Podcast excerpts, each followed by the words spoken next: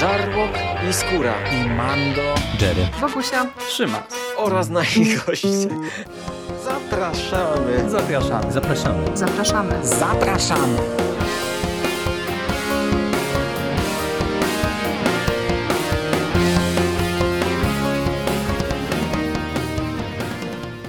Witamy Was wszystkich bardzo serdecznie w kolejnym odcinku konglomeratu podcastowego. E, Z tej strony Michał Rakowicz, czyli Jerry.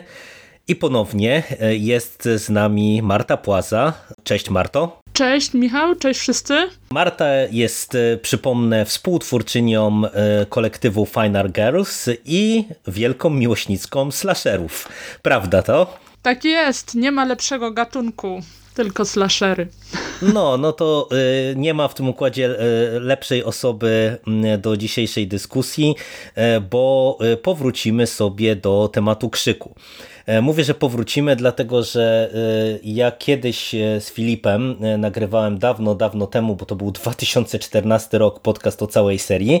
E, On nawet się jeszcze broni, bo go przesłuchałem przed tą naszą dyskusją E, i miał być z nami dzisiaj Mando, ale niestety praca e, mu to uniemożliwiła. Mam nadzieję, że się spotkamy w poszerzonym gronie przy okazji e, dyskusji na temat najnowszej odsłony, no bo właśnie ta dzisiejsza nasza rozmowa i ten powrót do mm, krzyków e, jest związany z tym, że z naszej perspektywy za dwa dni będzie miała premiera piątej odsłony, która, żeby ułatwić wszystkim zrozumienie, jak seria wygląda, nazywa się po prostu Krzyk.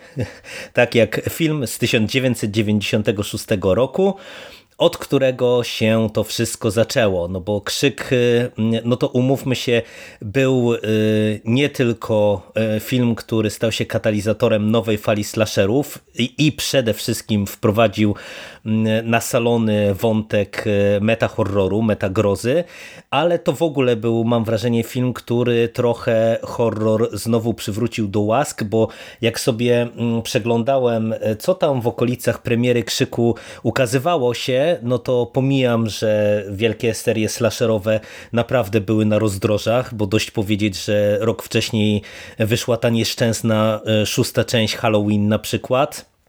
E, Jason też już zabrnął w totalnie dziwne rejony.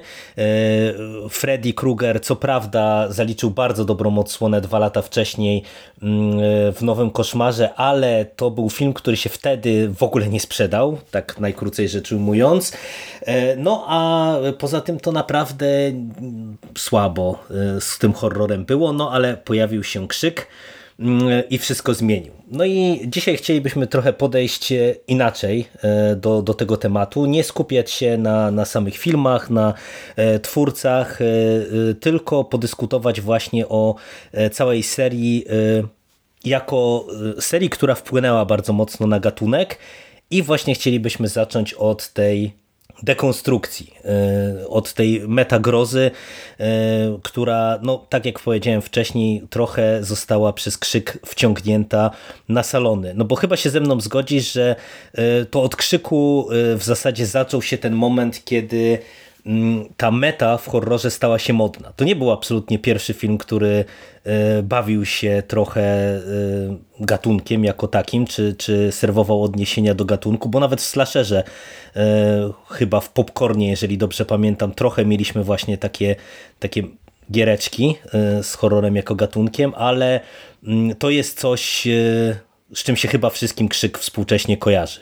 Zgadza się, jak najbardziej. Zresztą też, jeżeli chodzi o wcześniejsze takie metazagrywki, na przykład jest, kurczę, nie sprawdziłam sobie tego, przepraszam was serdecznie, ale plakat jednej z części Uśpionego Obozu jest naprawdę fantastyczny, bo na, jest na nim bohaterka, z której, wysta, z której plecaka wystaje rękawica ala rękawica Frediego Krugera. Także jak najbardziej bardziej ten, te jakieś meta samokomentujące się wtręty były już wcześniej, ale właśnie tak jak mówisz, krzyk trochę tak by uszlachetnił, myślę, że można, można tak to nazwać, ponieważ wcześniej to były jakieś takie drobiazgi, jakieś tam właśnie y, lekkie nawiązania, jakieś takie punkciki do wyłapania, a w krzyku mamy y, cały sens filmu y, oparty na tym, kom samokomentowaniu się, prawda? I to jest, to widać nie tylko w rozmowach bohaterów, ale też przede wszystkim w tym, jak ci bohaterowie są y, kreowani. Także to myślę, że świadczy naprawdę o tym, że mm, o wyjątkowości krzyku i o tym, że od jego premiery chyba nie powstał żaden meta slasher, który mógłby się z nim równać. No, myślę, że tutaj e, z tym możemy być zgodni, no bo tak jak mówisz, w sumie tych nawiązań to, to trochę było już w tamtym okresie, bo ja nawet tak na szybko teraz jeszcze sobie przypomniałem, że chociażby przecież e, w Martwym Źle w dwójce się też pojawiała e, rękawica Frediego Krugera w którymś momencie. Takie smaczki gdzieś tam już twórcy sobie e, serwowali i, i takie odniesienia pomiędzy filmami. Przecież nawet w Halloween, właśnie o którym też mówiliśmy, to jak teraz omawialiśmy te części od czwartej do szóstej, no to tam też w zasadzie e, w tych odsłonach e, Michael Myers już staje się taką postacią, która jest kojarzona w tym uniwersum. To nie jest tylko ten morderca, który pojawia się i zaskakuje wszystkich, tylko no, no to jest element świata przedstawionego, tak jak to w krzyku później jest wprowadzone i rozwijane. No ale tak jak mówisz, krzyk to jakoś tam uszlachetnił. No i te zasady horroru wykładane przez Randiego w pierwszym filmie, to jest coś, co wszyscy mam wrażenie trochę zrównują właśnie z e, metagrozą, czy sprowadzają całą metę tylko i wyłącznie do tego, a to chyba tak nie do końca jest. W tym sensie, że wydaje mi się, że e, krzyk to dużo więcej. Zgodzisz się ze mną? Jasne. Zresztą z krzykiem to jest taki ten problem, mam wrażenie, że to, co jest w nim najlepsze, też ludzie często wykorzystują jako argument przeciwko temu filmowi. Taki mam wrażenie jest, jest ten paradoks, czyli właśnie te y, y, rozmowy Randiego, znaczy monologi Randiego y, często służą jako argument, żeby mówić o krzyku jako właśnie o parodii, jakby zapominając o tym, e, co jest głębiej i co można e, naprawdę z dużą frajdą, myślę, odkrywać, szczególnie przy kolejnych e, seansach, powrotach do tej serii po latach na przykład. No, ty wspomniałaś o tej parodii. Przyznam się, że to jest jeden z elementów, które na mnie działają jak płachta na byka, bo to jest tak, że faktycznie w wielu dyskusjach przywołuje się, że krzyk to jest parodia albo, albo horror komediowy, a ja nawet e, polemizowałbym, czy to jest pastisz, nie? bo tutaj niektórzy mówią, że, że to jest właśnie już nie tyle sam slasher, ale, ale pastisz gatunku bardziej. Ale mówię, ja nawet z tym bym się kłócił, bo ilekroć wracam do tych filmów, to tym mocniej się utwierdzam, że to są naprawdę bardzo mocne horrory same w sobie i to, że one mają elementy właśnie dekonstrukcji w sobie, i tej meta zabawy z gatunkiem i skinem, to absolutnie nie ujmuje temu, co jest y, na tym pierwszym poziomie, czyli y, tego, że owszem, mamy do czynienia z horrorem rozrywkowym, takim nastolatkowym, y, ale no przecież to są naprawdę mocne, krwawe i trzymające w napięciu horrory. Jak najbardziej, zresztą myślę, że nie bez powodu sam Wes Craven bardzo podobno się buntował przeciwko nazywaniu krzyku slasherem postmodernistycznym, bo to też trochę mam wrażenie zubaża tą e, ocenę e, całej serii jako właśnie takiej e, zabawowej, podczas gdy nawet e, te motywy dekonstrukcyjne służą nie tylko zabawie, ale też naprawdę nieźle nakręconej grozie, jak na przykład chociażby obecność Drew Barrymore w y, pierwszej części, mhm.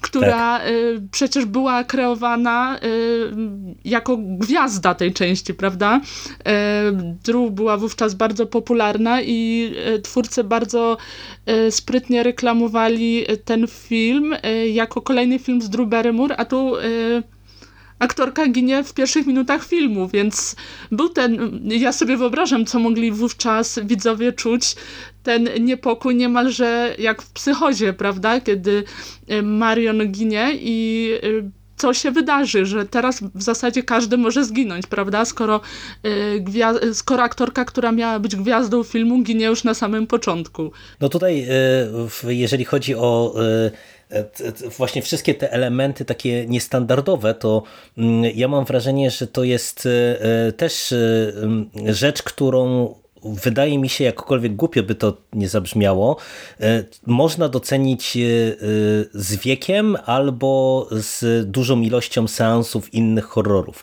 E, bo ja też się zastanawiam czasami, czy ta opinia, że to jest taki właśnie lekki horror, czy właśnie wręcz komediowy, czy parodia, czy to się nie bierze z tego, że trzeba pamiętać, że to jest film z 96 roku, pierwsza część, druga z 97 i bardzo wiele osób, które mm, ten film widziały, widziały go na wczesnym etapie swojego życia.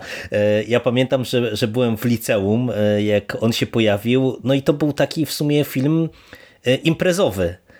Trochę tak jak wiesz, jak, jak w trakcie samego filmu widzimy imprezę z horrorami, tak, mm, tak ten film funkcjonował jako właśnie taka ikona jeszcze wtedy VHS-owa.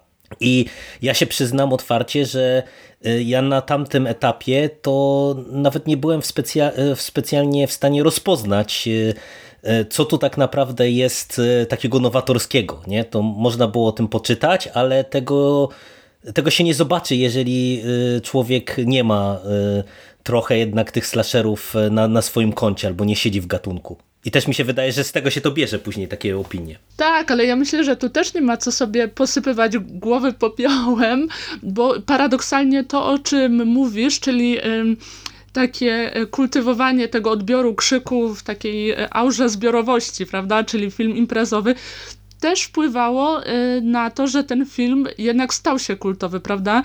I jednak mhm. ta relacja między widzem a postaciami była zupełnie na innym poziomie, bo w zasadzie widzowie mogli się utożsamiać z tymi e, bohaterami, którzy też właśnie e, w podobny sposób odbierali horrory. No, żeby wspomnieć chociażby e, ten sławetny monolog Randiego z finału filmu, który objaśnia reguły slashera na wielkiej domówce. Tak, tak, tak.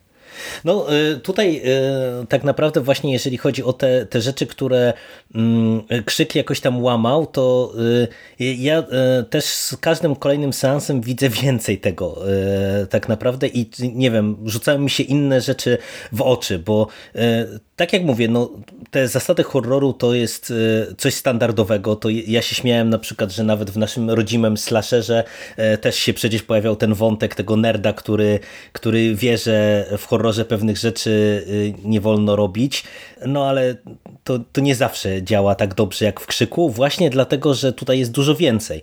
I dla mnie jednym z takich ciekawszych elementów, też tego, co ty powiedziałaś, y, czy w nawiązaniu do tego, co ty powiedziałaś, jest to, że w sumie to jest seria bardzo mocno skupiona na kilku postaciach, które cały czas nam towarzyszą i jakoś tam dorastają z widzem. Nie wiem, czy, y, czy to tak dziwnie nie zabrzmi. Jak najbardziej, jak najbardziej. Myślę, że to jest e, bardzo słuszny argument. E, zresztą też ja na przykład wracając do tego film, do tych filmów e, obejrzanych jednym ciągiem praktycznie, zupełnie inaczej odebrałam samą postać Sydney, która mhm. do, do tej pory była dla mnie no jedną z wielu Final Girls, prawda? A tu jednak w charakterze tej bohaterki kryje się, mam wrażenie, dużo, dużo więcej, bo z jednej strony te schematy rzeczywiście typowej Final Girl, ale również y, wykracza, y, y, wychodzenia poza ten, poza ten schemat. Zresztą też nie wiem, czy się ze mną zgodzisz, ale na przykład ja bardziej z z tej serii y, pamiętam nie tyle same mordy, oprócz tych oczywiście najbardziej y, kluczowych dla fabuły, co sam aspekt y, tych telefonów, że y, bardziej się tą aurę zagrożenia, tej niepewności związanej z telefonami pamięta, niż same mordy, co moim zdaniem też jest czymś nietypowym y, jak na y, prawidła slashera. Oczywiście, bo to jest też e, rzecz, na którą ja zwróciłem teraz bardzo mocno e, uwagę przy okazji tej powtórki, e, bo tak w stu procentach jest. Ja nawet się śmiałem w prywatnych rozmowach, pisałem chłopakom, że jak oglądałem jedynkę, to ja jestem w szoku, że film, który znam tak dobrze, on nadal potrafi mnie trzymać w napięciu i mi się wydaje, że to jest związane z tym, że te sceny mordów, one są bardzo długo podbudowywane. W zasadzie w każdym krzyku, może poza czwórką, która jest dużo intensywniejsza pod tym kątem. Tych, tych mordów y, mam wrażenie jest więcej, one są szybsze, y, trochę innymi prawidłami się rządzą, mm, ale pierwsze trzy filmy to tam często y, dana sekwencja, zanim tam dojdzie do, do mordu, to przecież one trwają po 7-8 minut, y, y, gdzie mamy właśnie najpierw rozmowę, taką zabawę w kotka i myszkę, później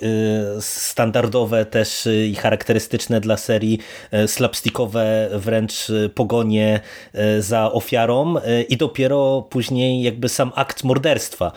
No co w sumie też takie podejście do, do mordów jest nietypowe y, tak naprawdę dla większości slasherów, wydaje mi się. Jasne, zresztą y, zwróćmy uwagę, y, jak długi jest sam finał pierwszej części. Przecież on się już zaczyna w zasadzie mhm. wraz z początkiem tej imprezy, prawda?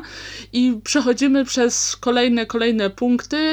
Śmierć Tatum, monolog Randiego, pojawienie się Gail i to jest naprawdę jak na slasher, który zazwyczaj ma tą kulminację bardzo intensywną, to tak tutaj mamy tą atmosferę naprawdę koronkowo budowaną i w zasadzie nie wiadomo, kiedy co się stanie, kiedy kto umrze, prawda?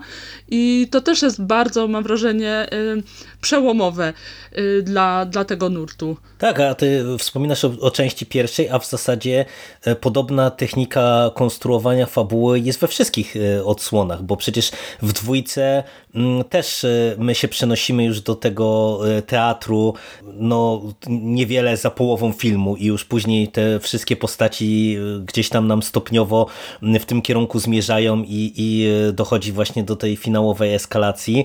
W trójce też przecież mamy cały ten wątek imprezy mm, w domu Romana, y, który też jest bardzo długi, nie? bo przecież y, my tam, myślę, że nie pomylę się dużo, jak powiem, że z 30 minut spędzamy właśnie już w tym miejscu, no to tak jak mówisz, nie? to samo w sobie to już jest też takim zupełnie odmiennym podejściem do, do budowania całej tej historii, też budowania napięcia, nie? bo w tym momencie inaczej te akcenty muszą być porozkładane w całym filmie. I to jest też fajne, że dzięki temu e, te postaci są pełnokrwiste, prawda? Nie są jakby kolejnymi ofiarami, ofiarami jak to bywało w wielu e, slasherach, tylko obserwujemy ich, jako, e, ich rozwój, szczególnie w przypadku Sydney, ale też motywacje. Wiadomo, w jedynce z tymi motywacjami bywa różnie, ale to myślę, że jeszcze wrócimy w dalszej części rozmowy. Y, ale szczególnie w trójce mnie to uderzyło. Y, właśnie rozmowa y, Sydney z z Romanem, która dużo nam mówi nie tylko o samych bohaterach, ale też o historii, która w zasadzie towarzyszy nam od pierwszej części, czyli o historii e, matki Sydney. Mhm, dokładnie tak. No tutaj to jest e, naprawdę moim zdaniem fantastyczny zabieg e, z tym, że my jednak z tymi postaciami zostajemy. Bo to też to, to jest ten element taki dekonstrukcyjny w całej serii, że jednak jak myśli się slasher, to każdy z nas myśli o ikonicznych mordercach. Mm, czy to będzie Freddy, czy to będzie Jason, czy to będzie Pinhead, e, nie wiem, Tolman z Fantazmu nawet, czy e, jakakolwiek inna ikoniczna postać, to my kojarzymy mordercę. I co prawda wiadomo, że Krzyk e, wykreował też ikoniczną postać Ghostface'a, ale tak naprawdę to właśnie to jest najciekawsze, że tutaj te wszystkie postaci, te ci nasi protagoniści, nasza Final Girl, czy, e, czy w zasadzie tutaj można powiedzieć o, o całej drużynie tych postaci, mm, no to oni zostają z nami na dłużej i też e, moim zdaniem to bardzo potęguje napięcie. Tym bardziej, że e, twórcy na przykład uśmiercając w dwójce Randiego, dobitnie nam pokazali, że to nie jest też tak, że, że ta cała ekipa przeżyje nam każdą kolejną odsłonę, nie? Że, że tak nie do końca mm, wszyscy tutaj są świętymi krowami i, i naprawdę można, e, można tutaj zamieszać, a e, przez to my im jeszcze bardziej kibicujemy i trzymamy, trzymamy za nich kciuki i po prostu no, jesteśmy bardziej zżyci niż z tą taką stereotypową grupą głupich nastolatków, które w slasherze bardzo często gdzieś tam występują. Y, jak najbardziej. Y, zresztą y, zwróćmy uwagę, w jaki sposób Randy jest uśmiercony.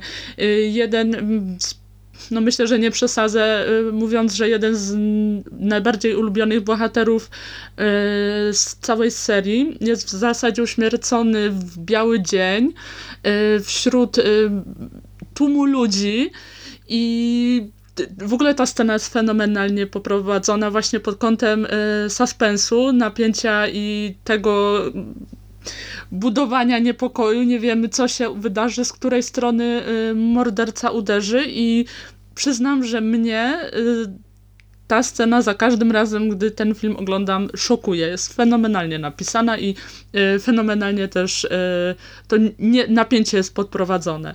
No, to prawda, to prawda. No i tutaj e, takich e, tych e, ikonicznych momentów e, ja mam wrażenie, że jest e, sporo i to jest też ciekawe, że właśnie każda z tych odsłon czymś zapada w pamięć, nie? Jest jakieś takie charakterystyczne, e, czy to morderstwo, czy sekwencja, która sprowadza widzów na, na krawędź fotela, nawet właśnie przy okazji kolejnych seansów, nie? Także to, to pokazuje, jak dobre to są filmy cały czas. Tak, dlatego myślę, że świetnym zabiegiem zabiegiem jest e, taka, a nie inna kreacja Ghostface'a, który z jednej strony jest, może śmieszyć swoim wyglądem, prawda? E, szczególnie dla ludzi, którym zrył głowę straszny film, bo ja nie jestem w stanie oglądać e, krzyku w oderwaniu od strasznego filmu. To jest mhm, okropne, ale jasne. niestety tak mam. Ale mimo wszystko taka kreacja Ghostface'a, czyli że w każdej części ktoś, innym, ktoś inny nim jest, paradoksalnie pozwala też uniknąć jakiejś odtwórczości i pozwala za każdym razem tą granicę przesuwać. Tak, no moim zdaniem to też jest właśnie kolejny element tej dekonstrukcji y, i tego, co trochę y, sygnalizowałem wcześniej, że właśnie w slasherach raczej y, morderca staje się ikoniczny, a tutaj przez to, że Ghostface tak naprawdę to jest maska, a nie określona postać, która nam powraca, no to twórcy sobie zdjęli z barków ten standardowy problem slashera, nie? czyli pokonujemy zło, ale ono musi w jakiś sposób powrócić. No i wiadomo, że na którymś etapie to, to zawsze będzie głupie, no bo ile razy można uśmiercać mm, daną postać e, i ile razy nasi protagoniści będą wygrywać i ile razy ta, ta postać będzie w jakiś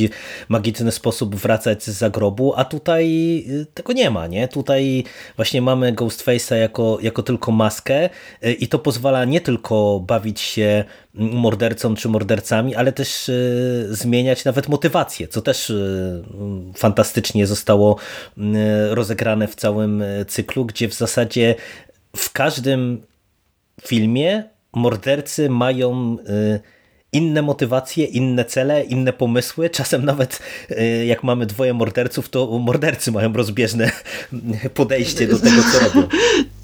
Tak, dokładnie.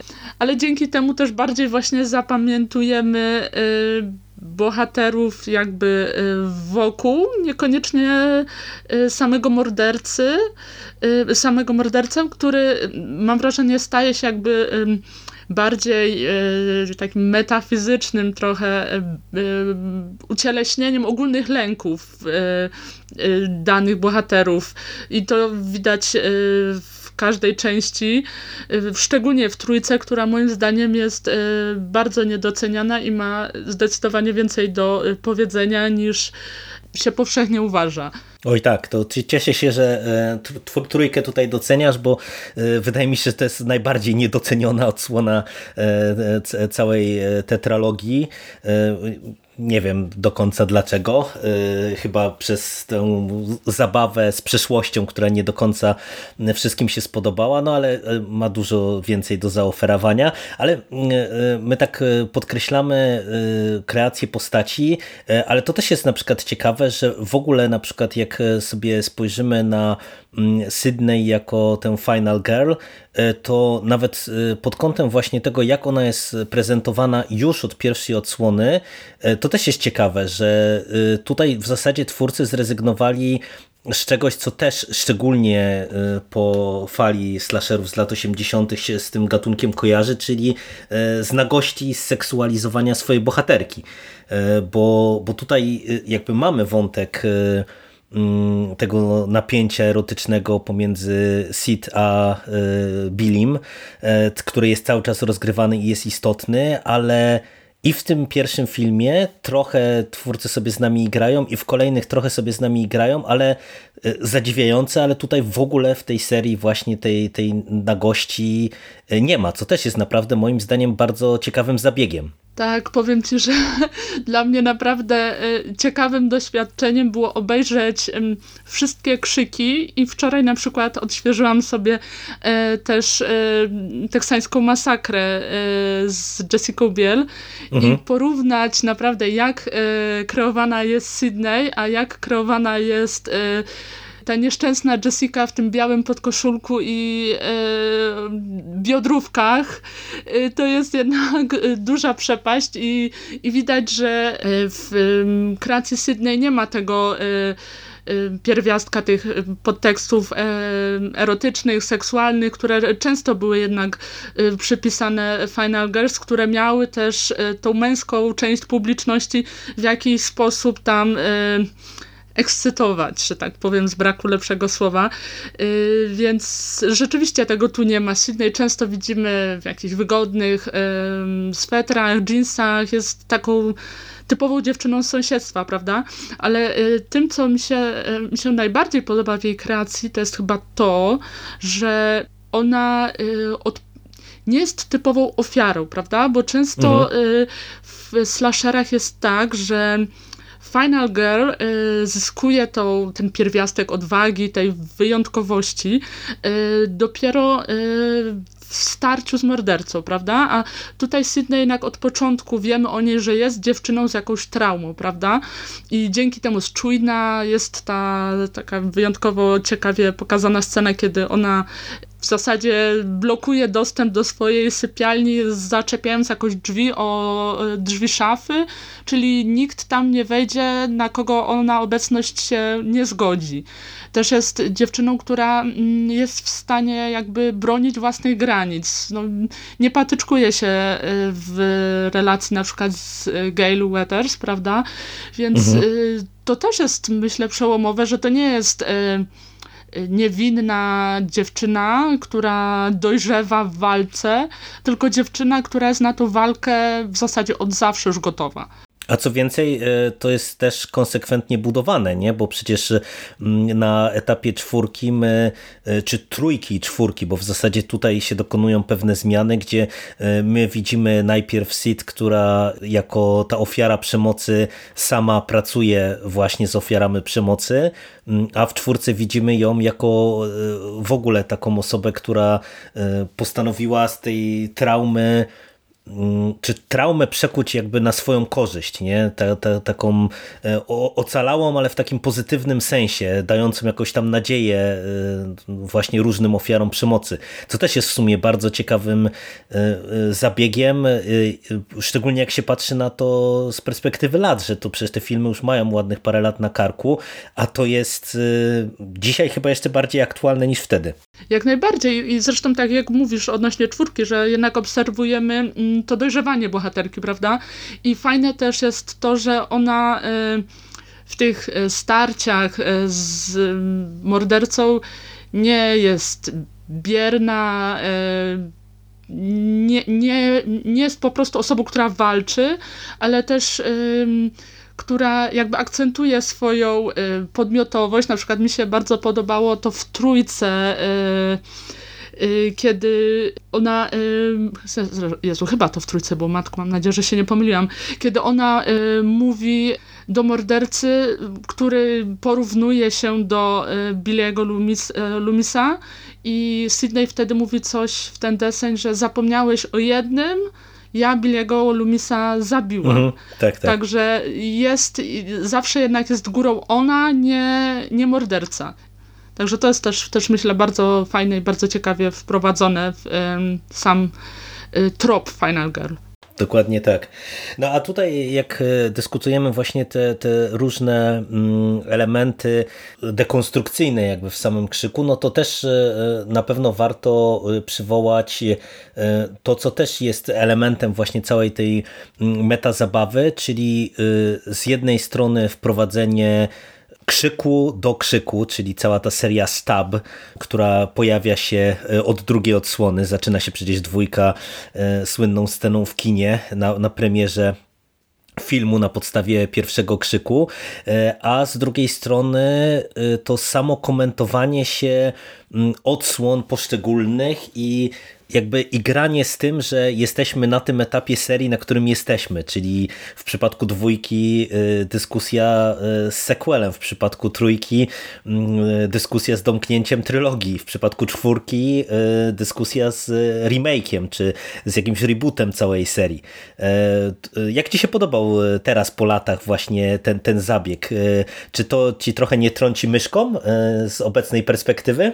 Właśnie absolutnie nie i ja chciałabym tylko zaznaczyć, że zupełnie nie rozumiem e, tych e, komentarzy, które często przebijają się w, odnośnie, w odniesieniu do kolejnych części, że nie są tak przełomowe jak jedynka, nie są tak świeże jak jedynka.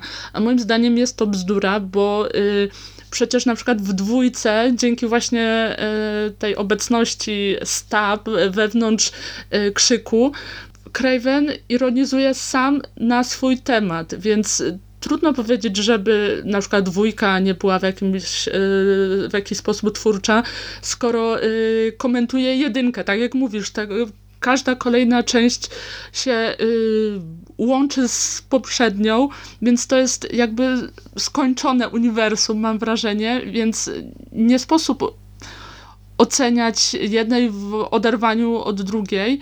I moim zdaniem te, te motywy, te chwyty absolutnie się nie zestarzały, tym bardziej, że w ręku Cravena to komentowanie nie jest celem samym w sobie, jak w wielu innych nieudanych metaslasherach, tylko środkiem, żeby powiedzieć o czymś więcej, prawda? Czyli mhm. y, ta obecność stab w krzyku nie jest tylko po to, y, żeby się naśmiewać y, ze slasherów, ale też, żeby komentować samą kulturę przemocy, samą tabloidyzację mediów i tabloidyzację samej przemocy. Nie tylko y, w kinie, ale też właśnie w mediach. No to prawda, tym bardziej, że to jest też e, ciekawe, że e, właśnie mm, całe to takie meta-uniwersum i to samo komentowanie się kolejnych odsłon, ja mam wrażenie, że ono fantastycznie działa na e, w dwóch poziomach co najmniej. W tym sensie, że to faktycznie jest pyszna zabawa, taka powiedziałbym e, kinofilska, czy, czy coś dla kinomanów, jak e, wiesz, jak e, sam wątek chociażby tego, że Tory Spelling gra Sid w, właśnie w filmie Stab, co, co było żartem w jedynce, nie? że jak Sid rzuca w którymś momencie, że z moim szczęściem to pewnie Tory Spelling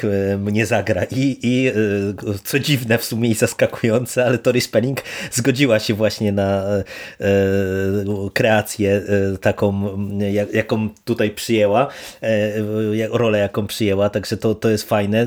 Tak samo bardzo mi się podoba cała ta zabawa e, i całe otwarcie czwórki, nie? kiedy my już jesteśmy na etapie tam siódmej odsłony e, i przecież cała ta czwórka e, też właśnie w długim openingu, charakterystycznym dla całej serii, bo to też w sumie te takie 8-10 minutowe od wejścia w film to, to jest coś, z czym mi się właśnie krzyk kojarzy.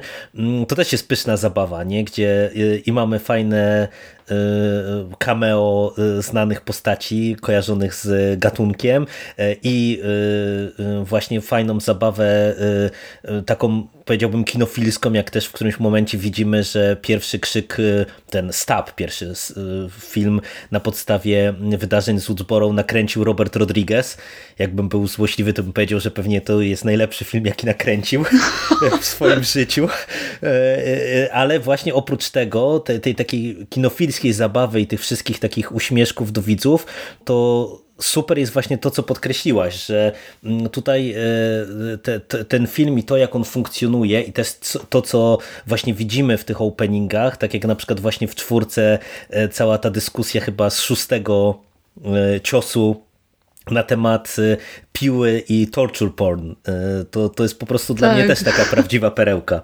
Y, dlatego to, to też y, świadczy o wyjątkowości tej serii, że y, ona zawsze była mocno zaszczepiona w bieżącej epoce dla siebie, prawda? Że komentowała e, to, co się e, wokół niej działo, dlatego te filmy, mam wrażenie, będą aktualne zawsze. Zawsze się je będzie mm, dobrze oglądać, a co do czwórki, to fajnie było wrócić e, do tego filmu po naprawdę długim, długim czasie, kiedy złapałam się na tym, że zapomniałam, w którym momencie kończy, kończą się te ostatnie odsłony stab y, z, tego, mm, z tej tak. sekwencji otwarcia. I tak kurczę się zastanawiasz, no, gdzie się, gdzie się zaczyna prawdziwa historia. Także yy, wierzę, że przy pierwszym yy, seansie to działa szczególnie mocno. To prawda.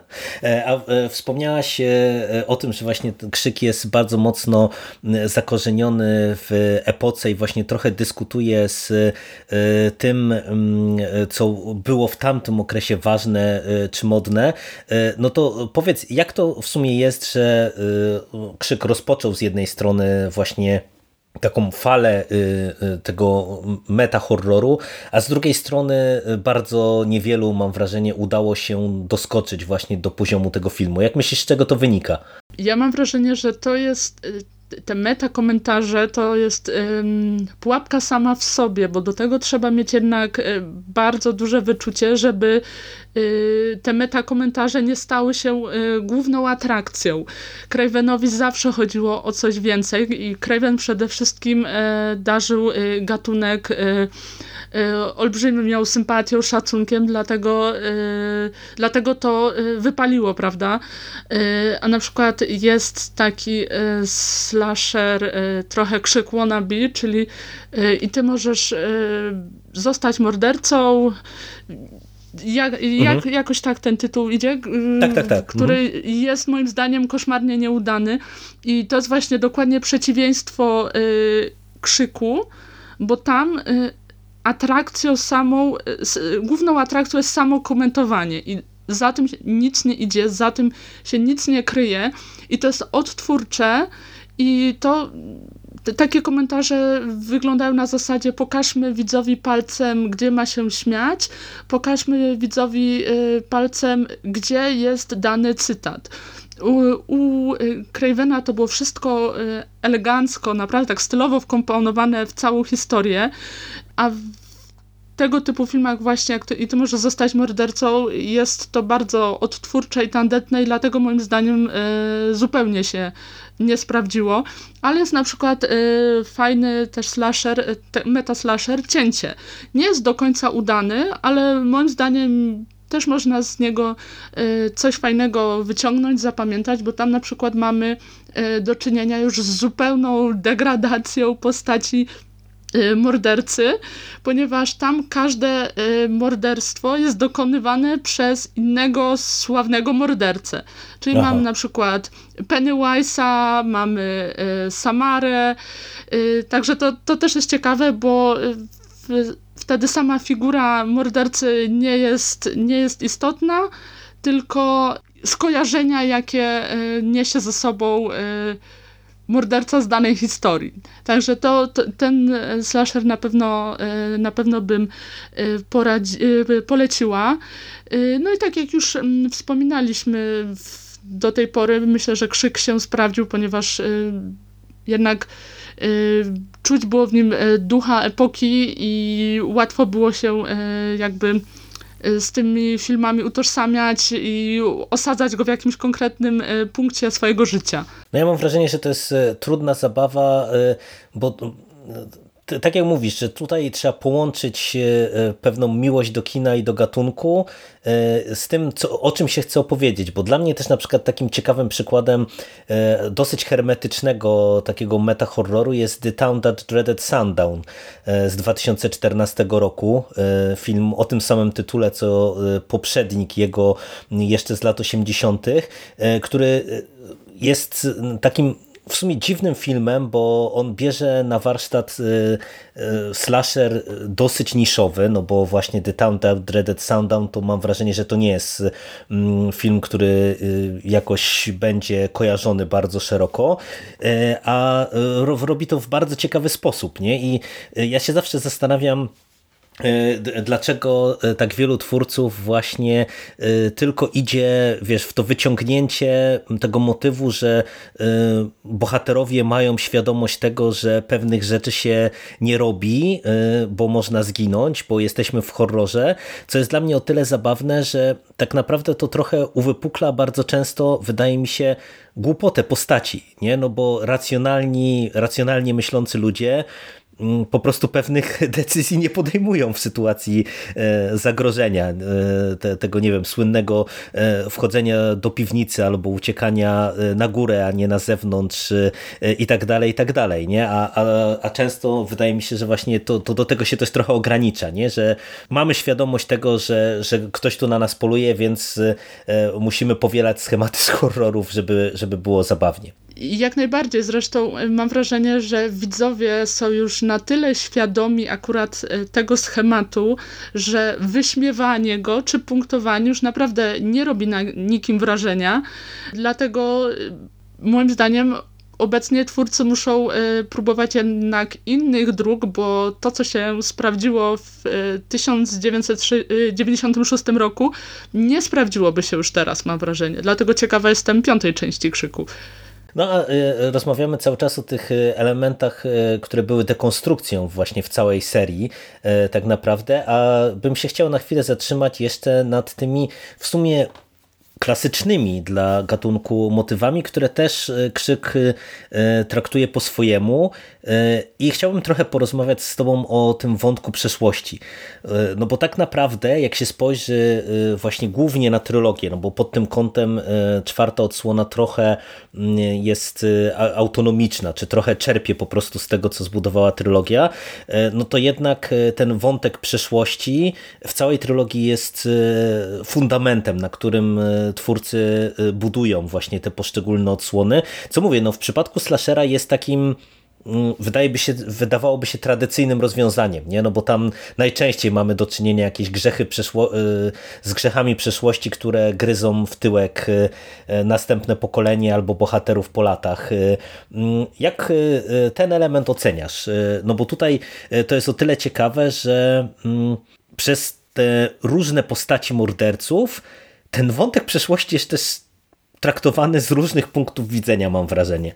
Y, jak najbardziej. Y, zresztą mi się, mi się bardzo podoba to, że ten faktor grzechu, o którym mówi Randy, y, jest potraktowany dwutorowo, czyli mamy grzech postaci, czyli nie wiem, nie uprawiaj seksu, bo zginiesz, nie pij, nie bierz narkotyków, bo zginiesz, nie mów zaraz wróćce, bo nie wrócisz. I z jednej strony mamy tego typu faktor grzechu, a właśnie dru z drugiej strony grzechem jest, są właśnie te grzechy przeszłości, prawda? Y, czyli każda społeczność ma jakieś swoje y, mroczne tajemnice, wyparte, gdzieś tam, gdzieś tam schowane w podświadomość, prawda?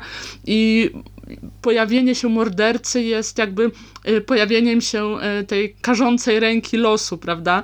I to jest moim zdaniem bardzo sprytnie podprowadzone, bo jest to też trochę kpina z tego wkręconego w horror mami issues, prawda? Żeby wspomnieć chociażby psychozę, od której mam wrażenie wszystko się zaczęło.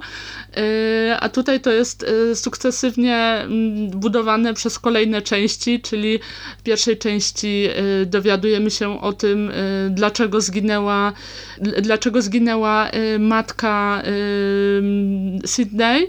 W drugiej części mści się matka, a w trzeciej części mści się syn za grzechy matki.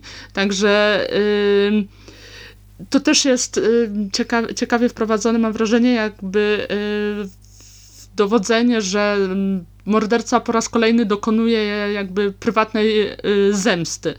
Osobistej, tak, tak bym to nazwała.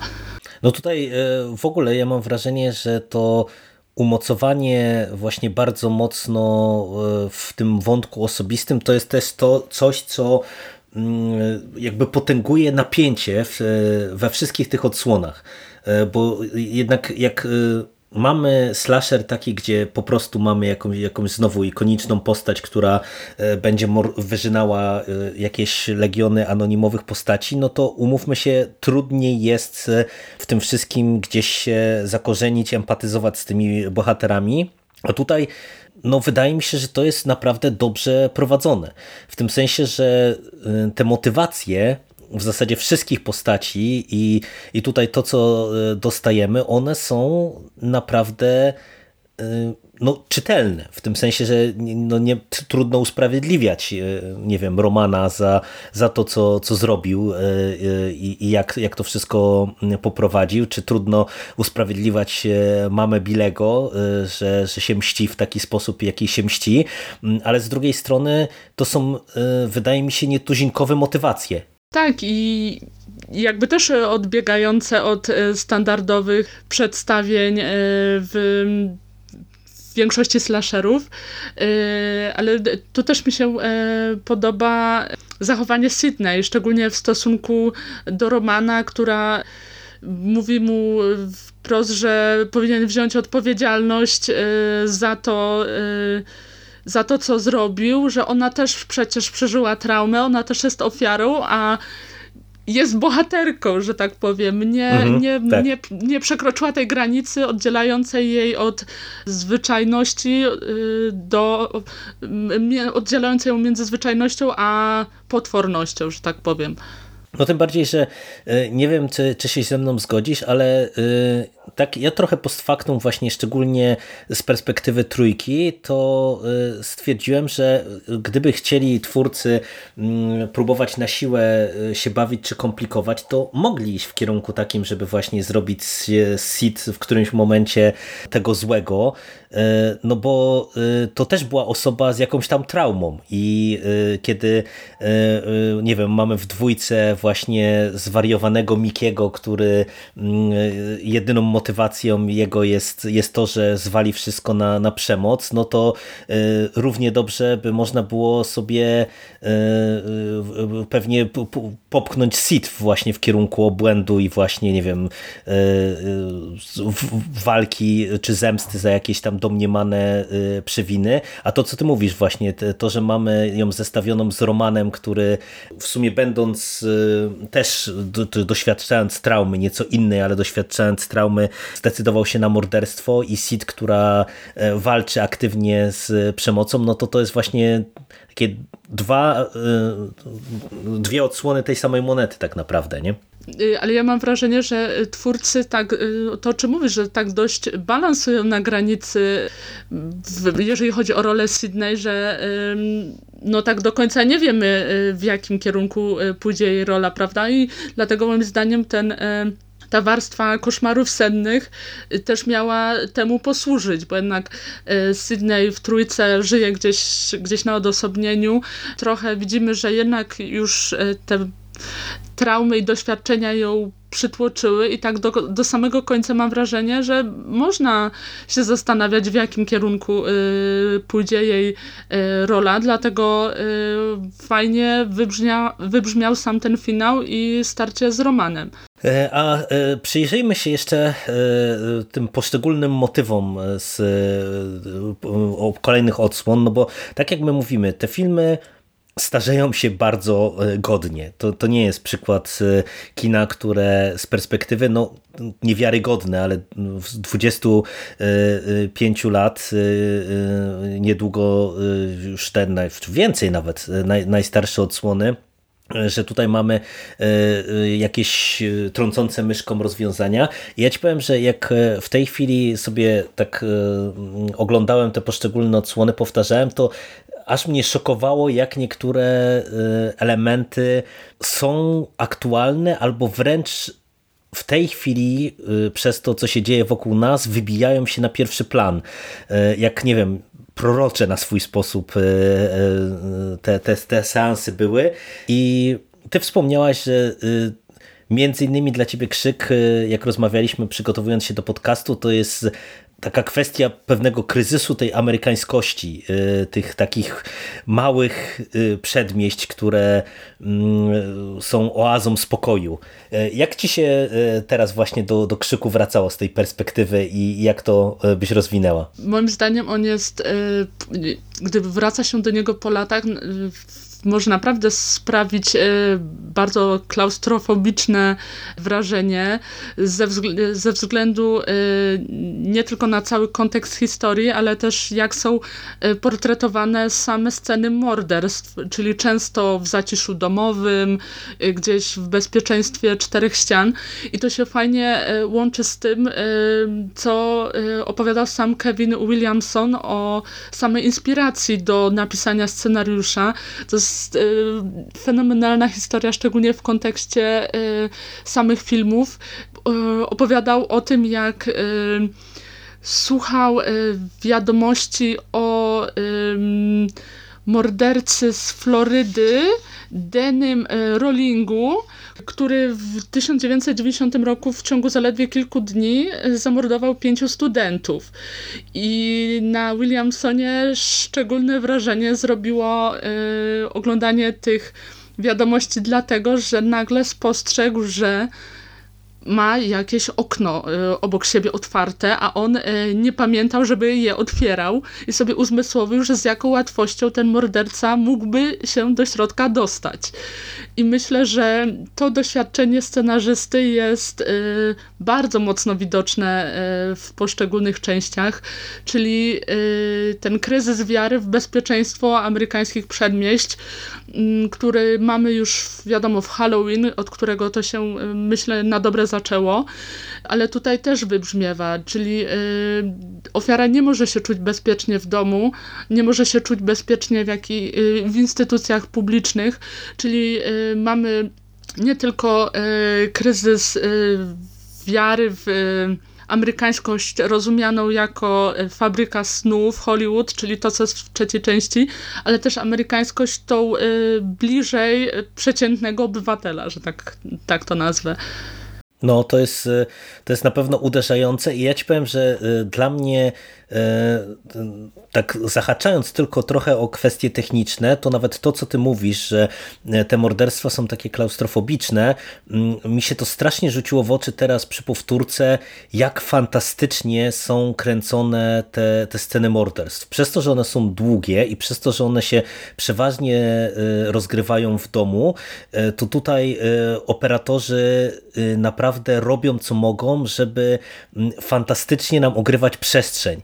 E, przez to, żebyśmy my byli e, gdzieś tam z jednej strony przygotowani na to, co się może stać, a z drugiej strony, żeby uwiarygodnić na przykład pościg czy pogoń za, za ofiarą, czy ucieczkę na przykład bohatera, co już bardzo dobrze widać na e, przykładzie tej słynnej sceny otwarcia jedynki, w której ginie postać grana przez Drew Barrymore, gdzie my tam przecież cały czas chodzimy z nią po tym domu, nie? Odwiedzamy salon, odwiedzamy kuchnię, gdzie ona wstawia popcorn i kamera cały czas jej tam towarzyszy i się prześlizguje po tych korytarzach.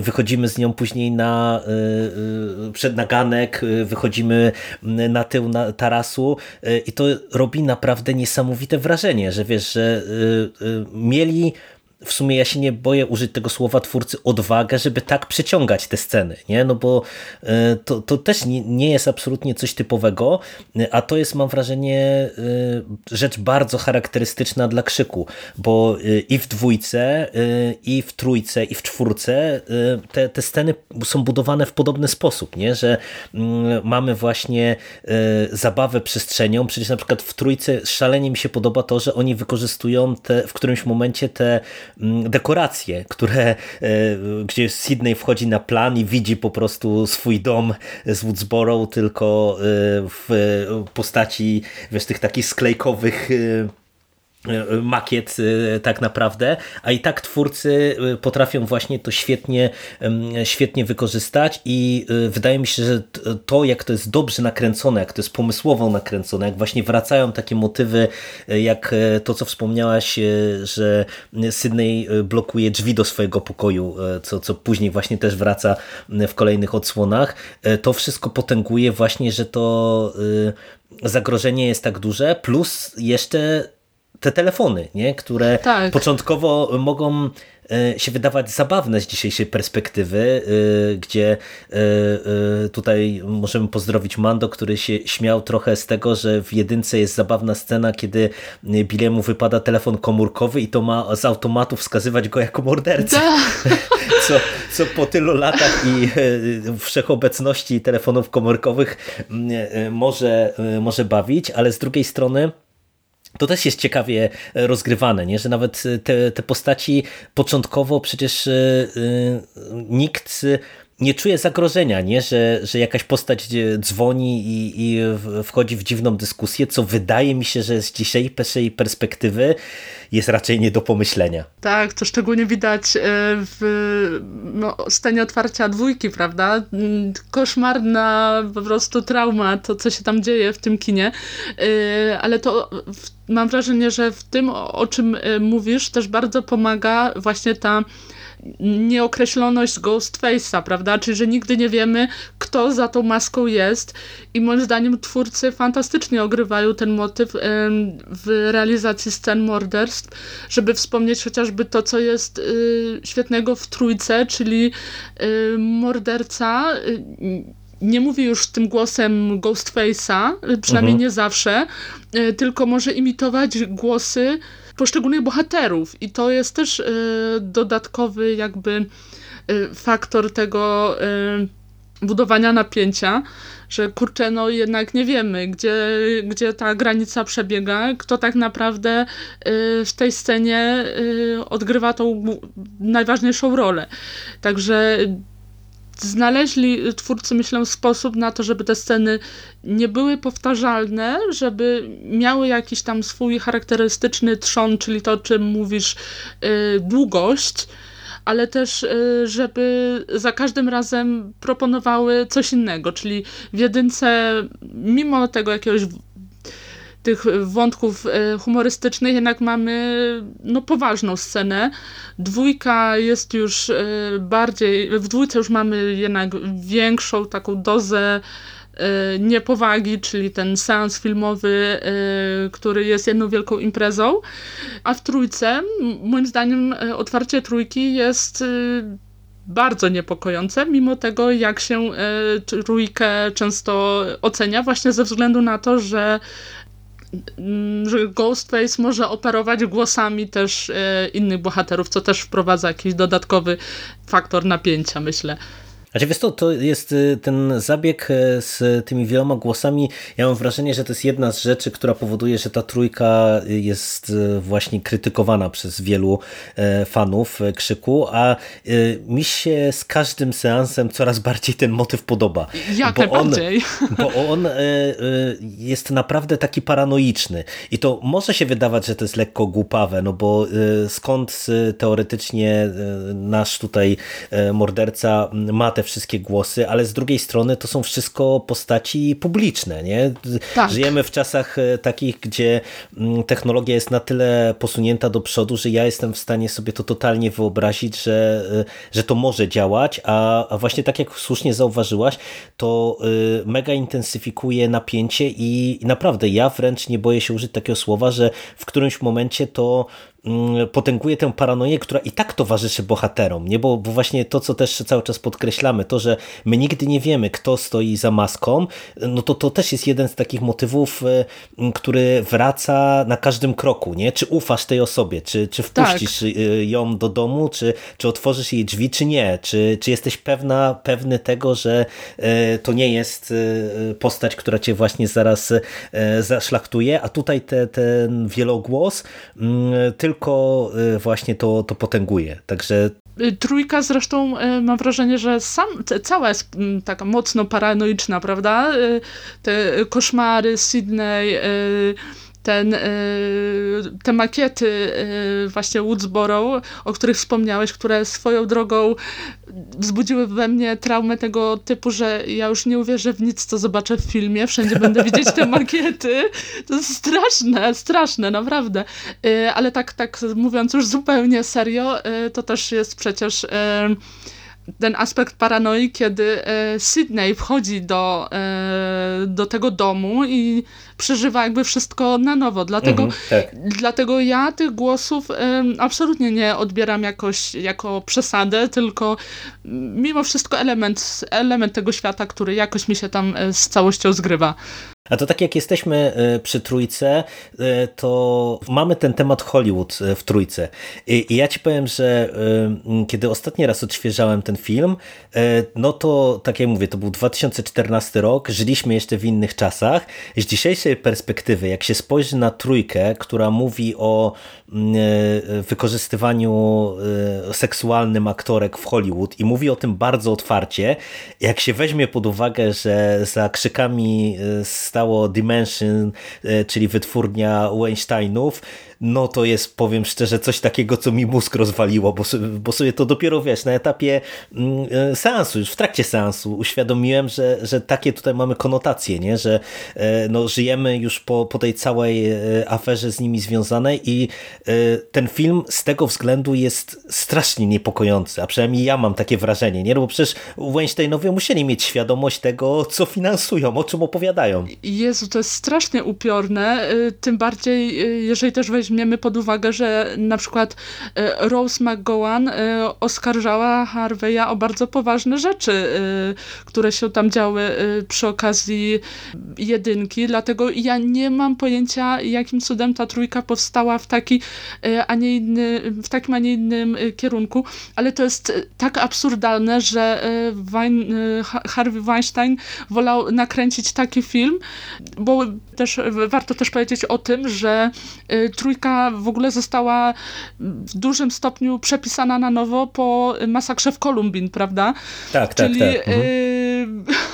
Weinsteinowie woleli nakręcić y, film o molestowaniu aktorek niż y, być w jakiś sposób, w jakikolwiek sposób powiązani z tamtą masakrą. To to jest naprawdę, myślę, bardzo upiorne, że dla nich to było jakby łatwiejsze do przełknięcia, y, wiedząc, że w tamtym czasie y, w zasadzie nikt nie odważyłby się wystąpić przeciwko nim, niż y, zostać oskarżonym o jakby czerpanie zysków z jakiejś tam, e, z realnej masakry, prawda?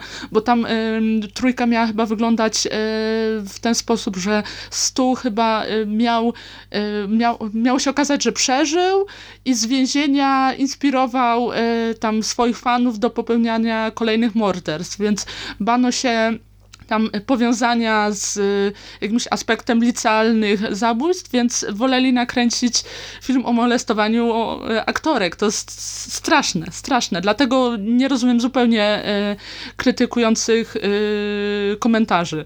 No tym bardziej, że tutaj to też jest ciekawe, że o tym mówi się tak wprost. Nie? To nie jest tak. nic schowanego, ukrytego, tylko tu i, i od motywacji Romana i cała, całego wątku przeszłości Mamy też przecież kilka scen, gdzie aktorka, która się wciela w Sid w którymś momencie rzuca właśnie, że rolę dostała, bo się przespała z producentem tak. I, i mamy fantastyczną scenę z Carrie Fisher, którą ja po prostu uwielbiam, gdzie ona udaje, że nie jest Carrie Fisher i, i też rzuca, że, że tamta to dostała rolę, bo przespała się z George'em Lucasem i to, to jest naprawdę dla mnie zadziwiające, że mm, e, w sumie no, nie tak dawno temu e, jeszcze ta, takie rzeczy uchodziły, nie? że można było to, też nakręcić film mm, w takim tonie, nie? No bo to, no, to jest co prawda już 20 lat minęło, 22 lata w tej chwili od trójki, no ale jednak wiesz, no mam wrażenie, że to już Hollywood na tyle mocno straciło niewinność, że chyba nikt by się nie odważył w takim tonie mówić o, o molestowaniu seksualnym na, na planie. Ale wiesz co, ja też jestem ciekawa na przykład dlaczego, jakim cudem ten film nie wrócił e, na fali mitu, prawda?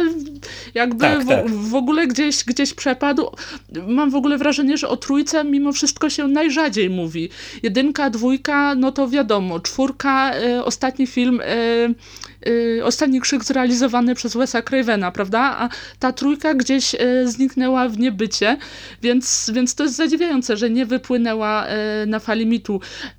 Rulka, epizod Carrie Fisher jest fantastyczny, rzeczywiście, tym bardziej, że aktorka z tego, co kojarzę, zawsze dość otwarcie mówiła o swojej relacji z George'em Lucasem, więc tutaj to też jest tak odświeżające na, na gruncie tego, o czym ten, ten film y, mówi, ale ja na przykład bardzo też y, lubię w tej części to, że on, że ona o tym problemie mówi y, jak najbardziej całkiem, jak najbardziej na serio. To nie jest w żaden sposób obarczone jakimś tam slapstickiem czy, czy, czy jakąś tam kpiną, mam wrażenie, że jest tu dużo, dużo jakiejś mroczności, yy, mhm. dlatego, to, dlatego to się tak sprawdza.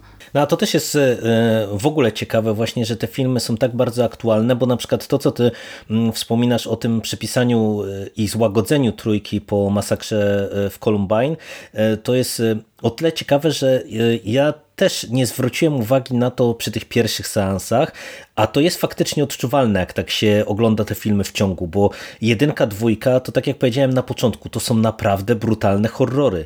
Tutaj krew się leje strumieniami, mamy flaki na wierzchu, mm, e, całe umazane we krwi pokoje i tak dalej, i tak dalej, a jednak trójka pod tym kątem jest wyraźnie stonowana. Tych morderstw jest nadal dużo, one są nadal efektowne, ale mimo wszystko my w zasadzie mm, główną akcję, że się tak wyrażę, widzimy najczęściej poza kadrem. E, to jest tak e, filmowane, tak prezentowane, żebyśmy my raczej sobie dopowiadali pewne rzeczy, niż żeby y, to było wizualizowane, co, co w sumie też jest ciekawe, jak się y, przywoła właśnie dwójkę i, i Mikiego, który no tak jak wspomniałem wcześniej, miał koncepcję tego, żeby właśnie zwalić swoje czyny na, na, na filmy. I co w sumie też jest takie trochę śmieszno straszne dla mnie, Mm, co nadal się dzieje, w tym sensie, że e, nadal mam wrażenie, że jak, e, e, nie wiem, nie daj Boże, jakiś młody człowiek popełnił morderstwo, to pierwsze co robi prasa, to sprawdza jakiej tak. muzyki słuchał i jakie filmy oglądał i jakie książki czytał i czy czasami tam nie było black metalu i horroru tak. na jego półce.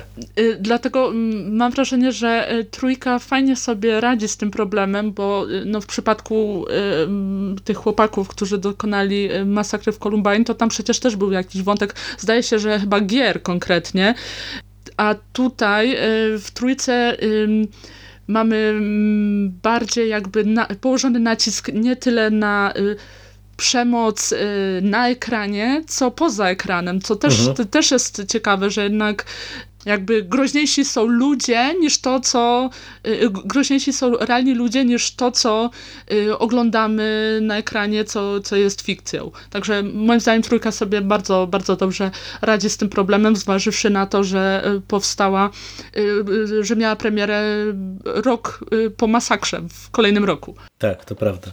No tutaj e, z tych elementów takich, które gdzieś tam mnie zaskoczyły przy tym rewatchu, e, to e, też bym chciał się zatrzymać na chwilę przy jedynce i przy całym wątku Sydney, bo też na to nie zwróciłem uwagi w ogóle przy poprzednich seansach. Najlepszy dowód, że czasem warto oglądać filmy więcej niż raz.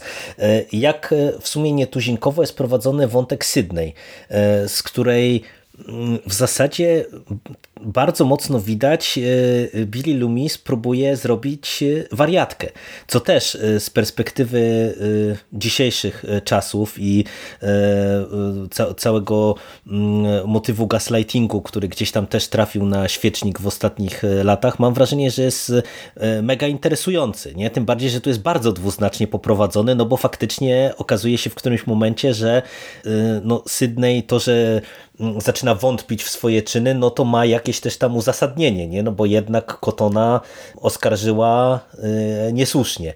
E, to jest też mega ciekawy wątek nie? z y, perspektywy lat. Tak i to jest to też mam wrażenie poprowadzone dwutorowo, bo z jednej strony dyskredytowanie jej jako ofiary, jej y, odczuć, ale też jakby umniejszanie jej traumie, prawda? Mhm, Tam tak. cały czas jest ten wątek seksu też fenomenalnie poprowadzony zupełnie inaczej, kiedy i to też świadczy o wyjątkowości tej postaci jako Final Girl, że ona ma jak najbardziej realne problemy, z którymi wiele dziewczyn się może e, utożsamiać, czyli e, potrzeby Billiego są ważniejsze niż dziewczyna straumatyzowana e, po śmierci matki, tym bardziej, że wiemy, że matka została również zgwałcona, także dlatego myślę postać Sydney się tak broni, bo jednak o tych, tych problemach, takiej sytuacji kobiet mówi się coraz więcej, dlatego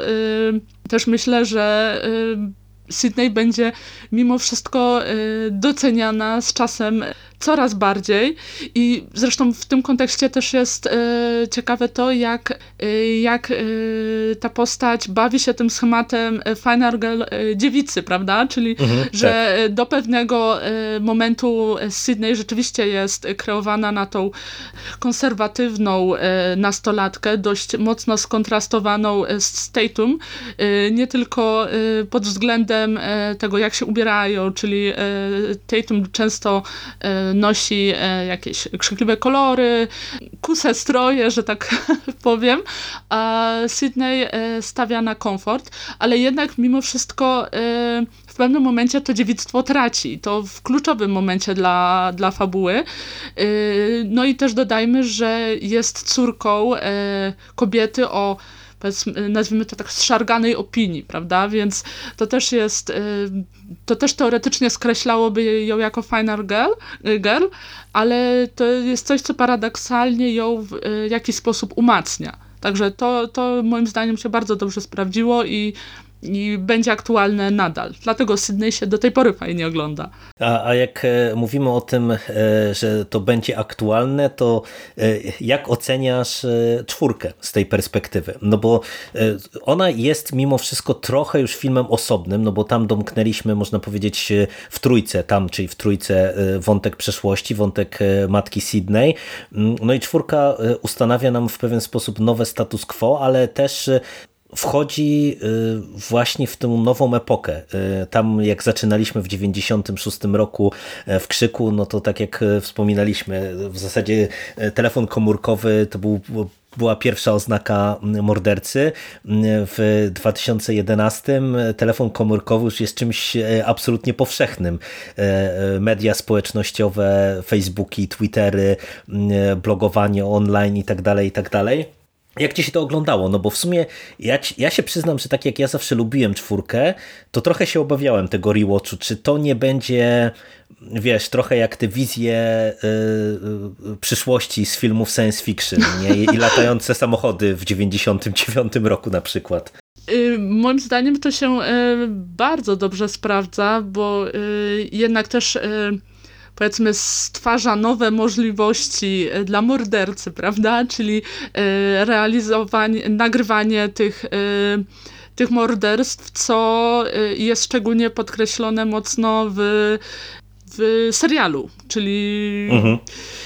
ale w czwórce to też się moim zdaniem dobrze sprawdza, bo wszystko to jest jakby takie bardziej oczywiste, także y, jest dużo takich sytuacji, kiedy bohaterki wręcz się naśmiewają z tych telefonów, że, yy, yy, że, jest, że jest to coś niepoważnego, co zresztą jest, jest, jest nawet też wspomniane w dwójce, z, gdy Sydney ma lokalizator y, na telefonie, czyli hmm, wie, tak, tak, tak. wie, kto do niej dzwoni, a w czwórce moim zdaniem to tylko zostało y, podciągnięte dalej, y, czyli nie może to świadczyć też o tym, że trochę już ten element zaskoczenia może zmalał, ale jest to coś, co jest e, ściśle związane z nastolatkami, o których opowiada ten film, także e, moim zdaniem się to wszystko mimo wszystko klei.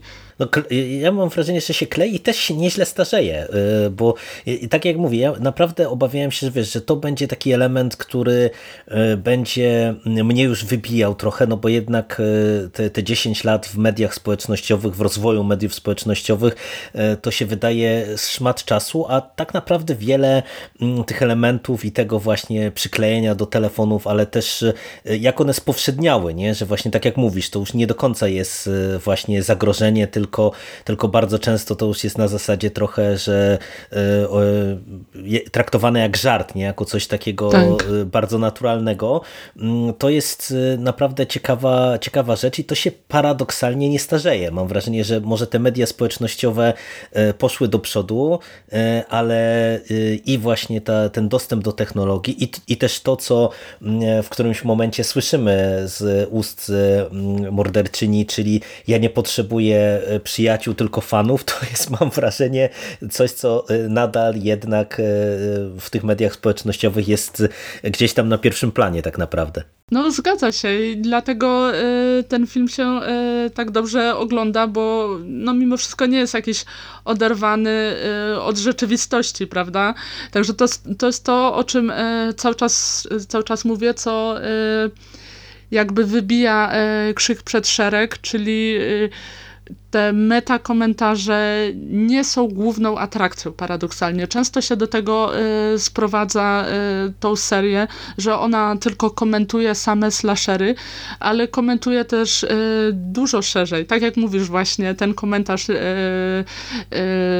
Julie, że ona nie potrzebuje przyjaciół, tylko fanów, też dużo mówi o nas samych. No niestety, czy tego chcemy, czy nie. No tak, tak. To endorfiny wywołane kolejnym lajkiem e, działają tak samo jak 10 lat, lat temu tak naprawdę. E, no ale to tak e, omawiamy sobie te różne motywy. Ja ci powiem, że też coś, co mi się szalenie podoba teraz z perspektywy tego rewatchu, to jest cały wątek dziennikarstwa i Gail Weathers, bo mam wrażenie, że to też jest taki jeden wątek, który jest trochę pomijany, jak się mówi o krzyku, E, a to jest też e, bardzo ciekawie prowadzona rzecz, e, gdzie ona zaczyna jako ta taka dziennikarska hiena z, tym parciem na szkło i, i dążeniem po trupach, a mm, z jednej strony ona jako postać przechodzi bardzo ciekawą ewolucję, szczególnie w zestawieniu z Dewey'm, a z drugiej strony to też jest ciekawy komentarz do dziennikarstwa i tego, jak ono y, właśnie zaczyna y, z jednej strony może y, komentować nadal, ale może też i właśnie mm, wiesz, e, eskalować czy generować tak naprawdę określone wydarzenia, nie? No bo jednak na którymś etapie widać bardzo mocno, że no te morderstwa no, gdzie jest ten początek, nie? Czy, czy, czy właśnie ta książka Gale wywołuje kolejną falę, e, czy, czy może ona właśnie tylko i wyłącznie korzysta z tego, że, że jest w odpowiednim momencie, w, znalazła się w odpowiednim czasie, w odpowiednim momencie? Jak ci się podobał ten wątek? Ja się ogólnie bardzo cieszę, że e, ta rola przypadła w udziale e, Courtney Cox, e, która sama się o nią starała, ponieważ bardzo chciała jakby się z tej łatki Moniki jakby uwolnić i moim zdaniem udało jej się to znakomicie, bo mm, przeszczepiła ten tą neurotyczność Moniki na grunt zupełnie inny. I świetnie się to y, komponuje z tym, o czym mówisz, czyli z tym, jak dziennikarstwo jest nastawione właśnie na sensacje, na drążenie, czasami też kreowanie newsa, yy, dlatego ta neurotyczność się fajnie z tym, yy, z, tą, z tą drobiazgowością, tym śledzeniem newsa yy, komponuje i ja ten wątek bardzo lubię, bo yy, mam wrażenie fajny, nieoczywisty sposób też komentuje yy, fascynację szczególnie Amerykanów seryjnymi mordercami, prawda? Y, zresztą żyjemy w czasach, kiedy y, jest no, mnóstwo podcastów o, o seryjnych mordercach, y, o kolejnych zbrodniach, więc Krzyk też się, też się fajnie pod, pod tym kątem ogląda. Jako, mm, I to dziennikarstwo jest tam w taki sposób portretowane, że z jednej strony jakby te informacje przekazuje, a z drugiej strony y, nakręca też mam wrażenie y, całą paranoję, co też się y, fajnie koresponduje z tym, o czym wcześniej powiedziałam, czyli z, tym, z tymi wrażeniami Williamsona, który był poruszony wiadomościami w mediach o prawdziwym mordercy. Także tą, tą grozę, którą tam odczuł, mam wrażenie, fajnie przeszczepił e, na, na grunt e, filmu. No to co mówisz, no my żyjemy cały czas e, e, w takiej kulturze, gdzie to true crime e, po prostu jest na świeczniku. Zresztą dość powiedzieć, że właśnie się pojawił dokument przecież tuż przed premierą Krzyku o morderstwach, które zainspirowały Krzyk, co mnie osobiście nawet lekko zirytowało, bo mam wrażenie, że to jest spore nadużycie i Williamsonowi raczej nie chodziło o tego rodzaju sławę dla wydarzeń, które go zainspirowały. E, no ale no, tak, taką mamy rzeczywistość i, e, i no, nie można się na nią obrażać, tylko ewentualnie właśnie możemy ją skomentować. I e, e, powiedz mi tak, bo dyskutujemy długo e, właśnie jak krzyki komentowały jakby samo siebie, jak dekonstruowały gatunek, jak jakby tworzyły podwaliny pod meta-horror, ale nie masz wrażenia, że to jest już wyczerpana formuła? Widzisz jeszcze jakąś przyszłość przed tego rodzaju gatunkiem, tego rodzaju zabawami? Da się jeszcze powiedzieć coś ciekawego w tym kontekście? Y, ja myślę, że meta slasher jako taki ma jeszcze szansę y, zaistnieć, ale na pewno nie w takiej formie, y, jak zrobił to Craven, bo no to jest właśnie to, to o czym mówimy, że z jednej strony to było coś y, odkrywczego na tamte czasy, ale szybko stało się, y, ale szybko spowszedniało, bo przecież y, po sukcesie Krzyku tego typu filmów powstało mnóstwo. Y, zaraz, zaraz byli jacyś naśladowcy, kontynuatorzy tej myśli, więc ta formuła się y, moim zdaniem wyczerpała, y, ale myślę, że też nie ma co, co, co negatywnie się nastawiać, bo moim zdaniem pojawili się e, twórcy, którzy e, tą postmodernistyczność starali się e, uchwycić w jakiś troszkę inny sposób. Na przykład ja bardzo lubię Y, found footage 3D. Niestety, kurczę, nie pamiętam polskiego tytułu, ale to jest na przykład bardzo fajny y, horror o takich trochę niedorobionych y, twórcach, którzy mają marzenie o tym, żeby nakręcić horror w 3D. Czyli to już jest pomysł sam w sobie, może się wydawać trochę kuriozalny, ale ten film jest świetnym e, komentarzem do samego zaplecza powstawania horrorów, czyli yy, na przykład jak ciężko ogólnie horror sprzedać, chociaż to akurat się w ostatnich latach, mam wrażenie, trochę zmieniło, ale to, za co go lubię, to to, to że mimo jakichś tam swoich niedociągnięć, można go odbierać zarówno e, jako mm, ze względu, zarówno ze względu na jego komediową warstwę, jak i e, grozę. Naprawdę, nie będę spoilerować, bo e, tam finał robi całą robotę, że tak powiem, ale mimo tego, że jest przez trzy czwarte filmu prowadzony jako żartobliwy, jakiś tam humorystyczny, ironiczny wobec horroru jako takiego, tak w finale dowala do pieca, że tak tak powiem, i naprawdę miałam ciary, więc, więc warto sobie ten film e, sprawdzić samemu. I to też jest moim zdaniem dowód na to, że przy jakby tam odrobinie jakiejś tam kreatywności, coś z tego meta slashera można jeszcze wyciągnąć, ale na pewno nie w takiej formie, jak zrobił to Craven.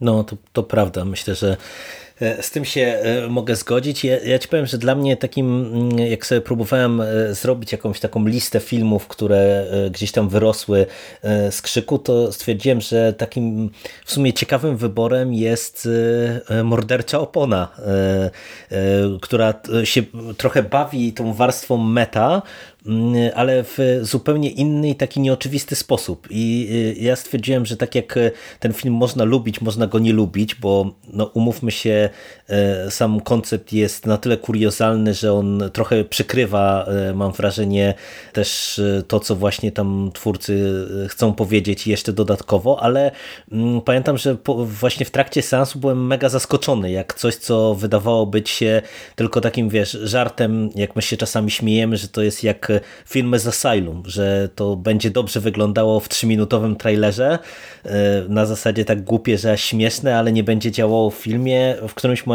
się zamienia faktycznie w coś no, nietuzinkowego. E, I to też jest właśnie dla mnie taki przykład e, kina, które no jeżeli twórca z jakimś pomysłem do tego podejdzie, to naprawdę na różnym poziomie e, to może bawić e, e, i, i, i może działać tak naprawdę nadal, nawet w dzisiejszych czasach, wiele lat po krzykach. Y, tak, moim zdaniem to, o czym mówisz o morderczej oponie, y, sprawdza się jeszcze lepiej y, w Dirskin, no, czyli y, kolejnym filmie Quentina Dupie, mam nadzieję, że dobrze odmieniam, y, gdzie jest ta jakby fetyszyzacja tego przedmiotu, który y, budzi y, mordercze skłonności bohatera, także to też jest jakby jakiś kierunek, prawda, żeby z tej starej szkoły slasheru, że tak powiem, nie wyciągać jakby całego szkieletu fabularnego,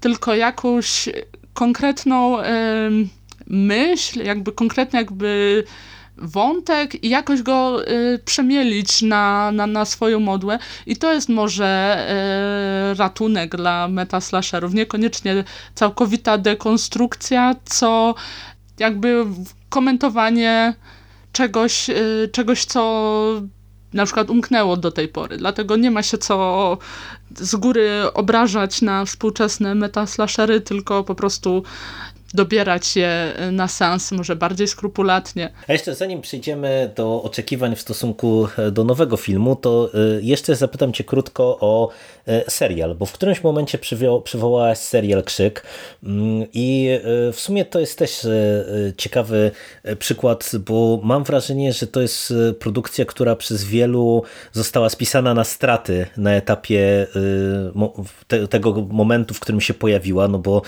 stało za tym MTV, maska Ghostface'a została zastąpiona y, inną maską i wydaje mi się, że ten odbiór taki na, na dzień dobry był taki sobie, a ja mam wrażenie, że to jest naprawdę bardzo niedoceniony serial, przynajmniej te dwa pierwsze sezony, bo e, trzeci e, zrobiony po latach to już jest chyba inna para kaloszy.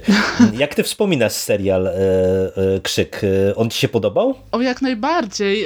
Moim zdaniem nawet przewyższył moje oczekiwania, bo naprawdę w inteligentny sposób odnosił się do samego Krzyku, ale i slashera jako takiego, żeby wspomnieć chociażby wypowiedź jednego z głównych bohaterów, który mówi, że nie da się zrobić ze slashera serialu, yy, że slashery są szybkie, a w serialu trzeba wszystko rozciągnąć.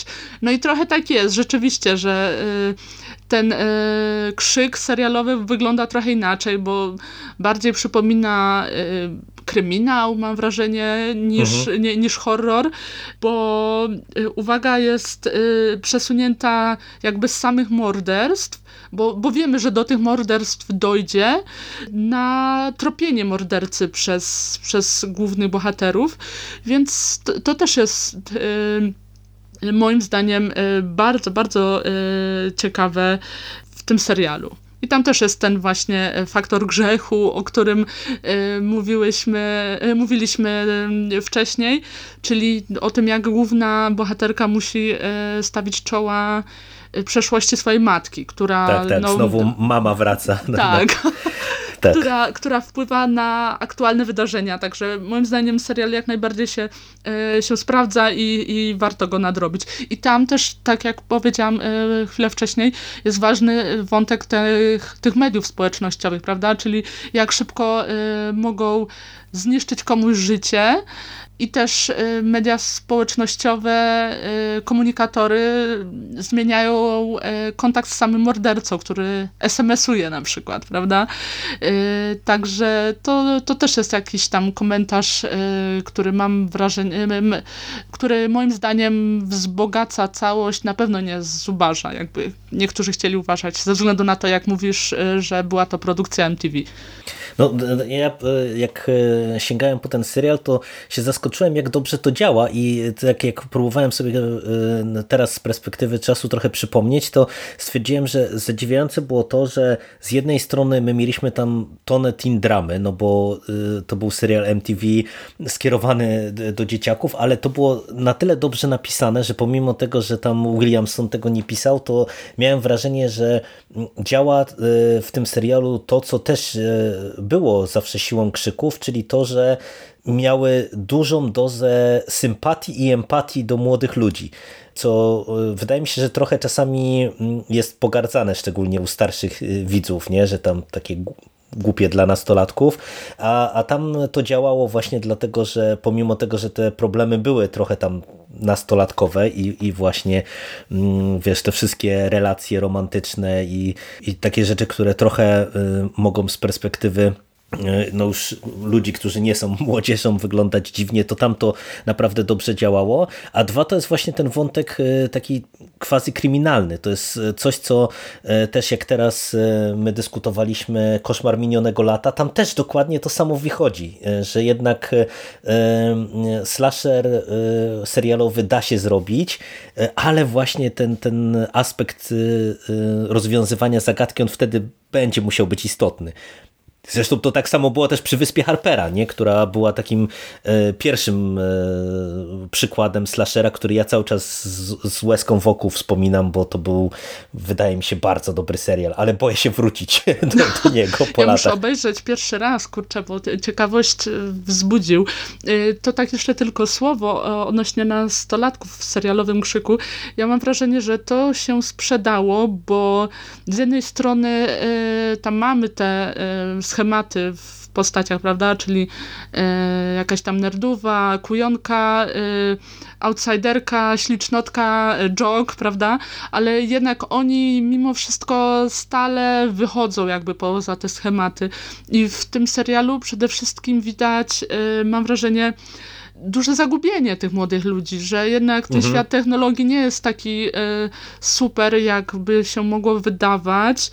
I przede wszystkim e, w tym serialu też istotne jest to, że sama grupa rówieśnicza już przestała dawać jakby poczucie bezpieczeństwa, że jednak można w grupie oberwać. Nie chodzi mi dosłownie, ale można, można po prostu przeżyć sytuację, która jakby podważy te y, fundamenty, które kiedyś po, y, pozwalały przetrwać.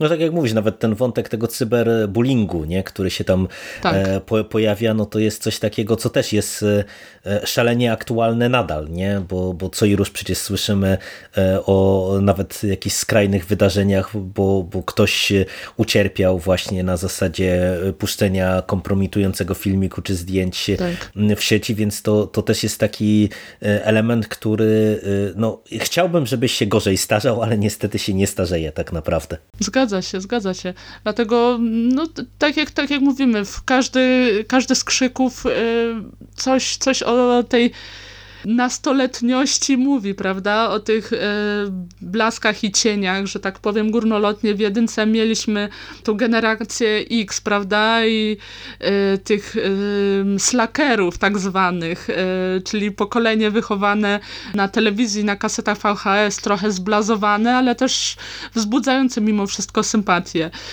w kolejnych częściach to już wiadomo, przechodzimy jakby w zupełnie inne e, grupy społeczne.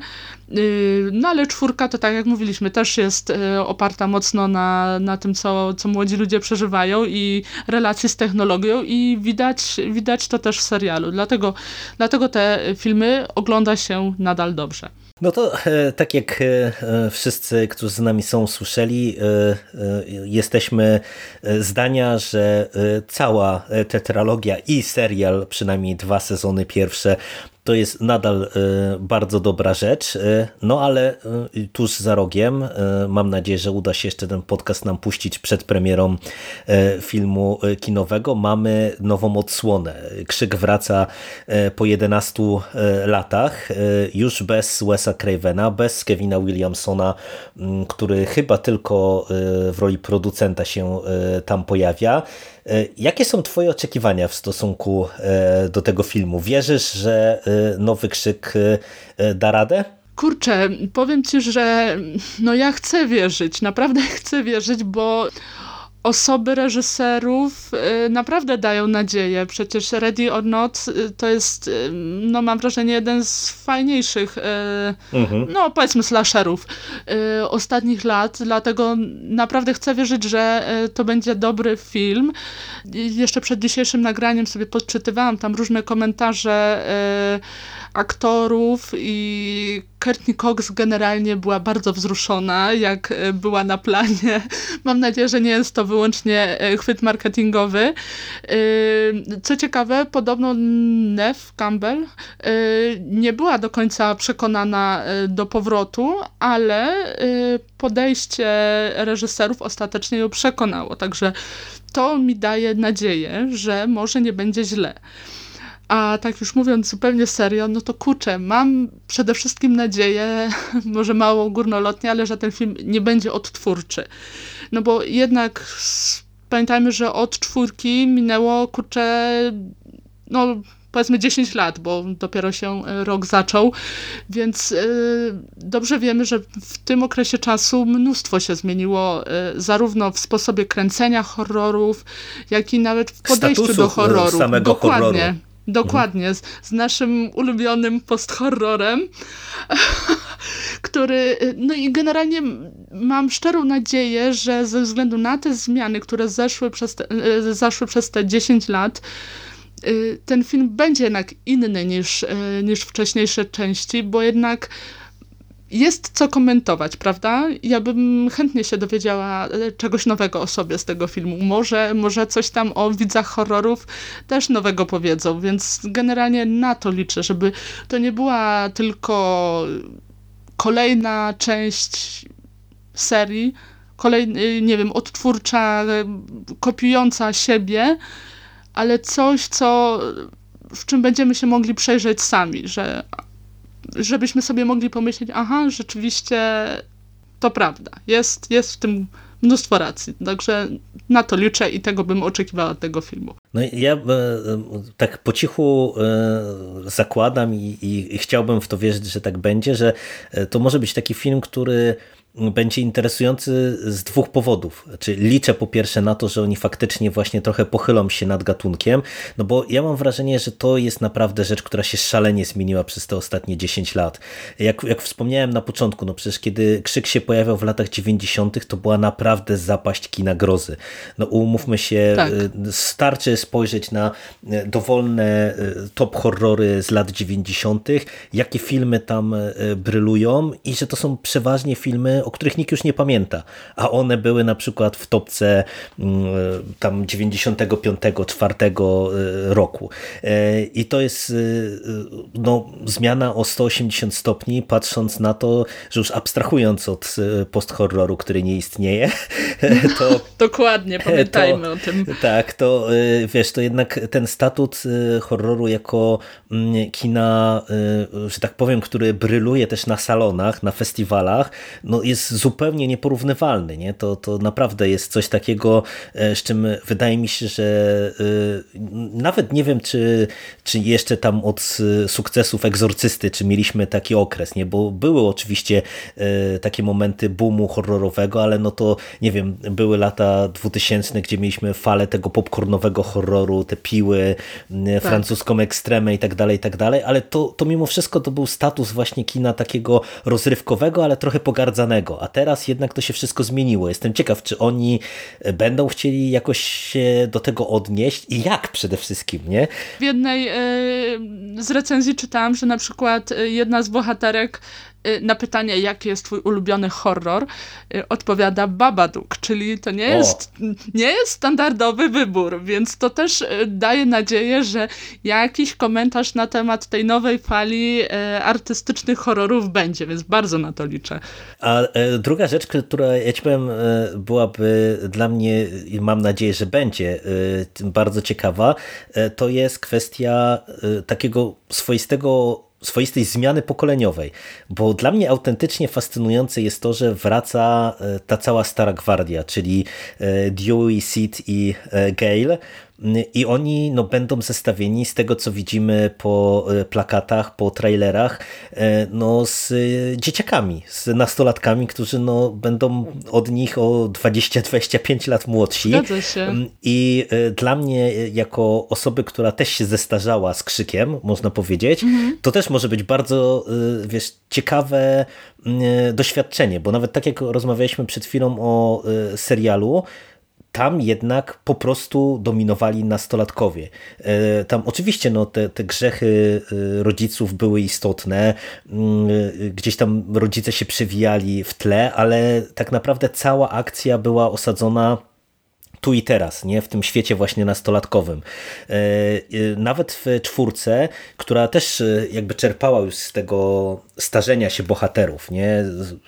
tak. zmiana statusu Gale, jej udomowienie Dewey w zupełnie innym miejscu, Sid właśnie, która już przepracowała swoją traumę to wydaje mi się, że i tak y, jeszcze tej zmiany pokoleniowej tak bardzo nie było widać y, w tamtym filmie. Y, trochę to było, wiesz, bardziej na, na, w charakterze postaci i przemian, które one doświadczyły w swoim życiu, niż na zasadzie jakiegoś wątku w filmie. A mam wrażenie, że tutaj to by było ciekawe, jeżeli by się o coś takiego pokusili.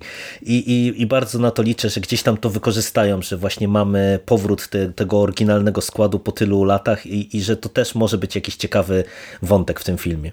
Ale to, o czym mówisz, e, to też teraz mi nasunęło taką myśl, e, że bardzo jestem ciekawa, e, jaki będzie odbiór tego filmu przez e, zupełnie nowe pokolenie widzów e, horroru, prawda? Że, mhm. Które wyrosło na kompletnie innych filmach niż, niż my, prawda? Dla których, e, nie wiem, dojrzewanie przypadło właśnie na taki film jak chociażby ten Babadook, który się pojawia, pojawił w tej recenzji, czy It Follows, czy tego typu rzeczy, więc jestem bardzo ciekawa odbioru y, tego, tego nowego pokolenia widzów horroru i jak ich odbiór będzie się różnił od odbioru widzów, którzy z tą serią dorastali. Także to moim zdaniem y, też może być y, ciekawe doświadczenie, żeby te komentarze jednak porównać, no bo jak dobrze wiemy, nostalgia często rzuca się na ocenę tak, tak, tak. kolejnych części. Także mam nadzieję, że mimo wszystko nostalgia to nie będzie jedyne, co jakby da radość w trakcie tego seansu. No, ja mam nadzieję szczerą, że tak nie będzie, bo e, pomimo tego, że czasem też się łapie na nostalgię, to e, niestety e, ja jestem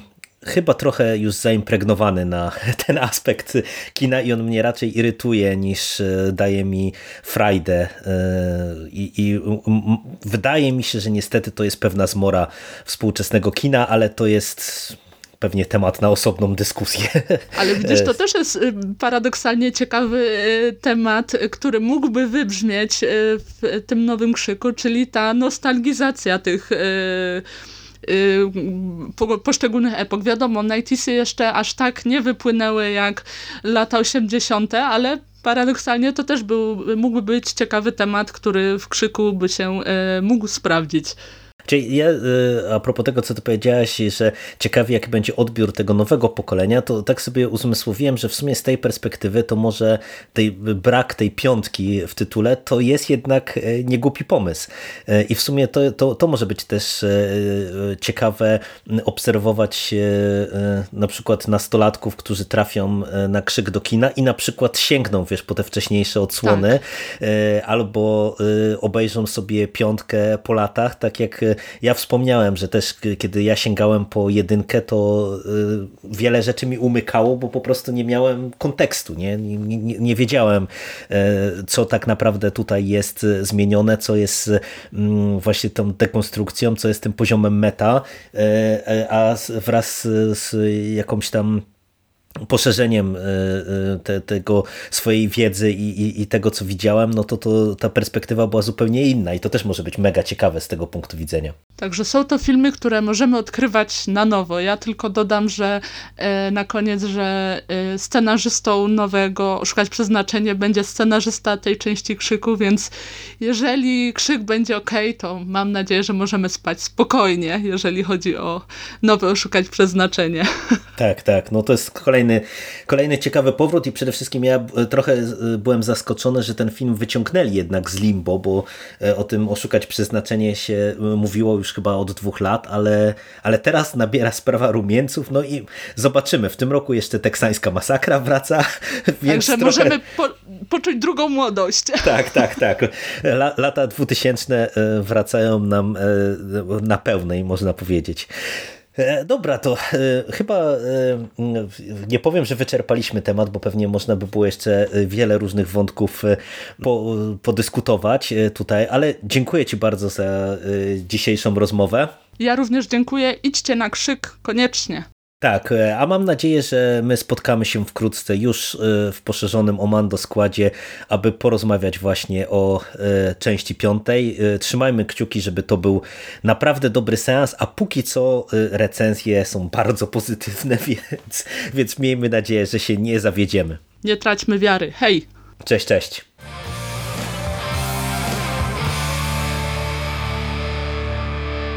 You finished? Are we gonna do now? What are we gonna do? It's over. Nothing is over! Nothing! You just don't turn it off!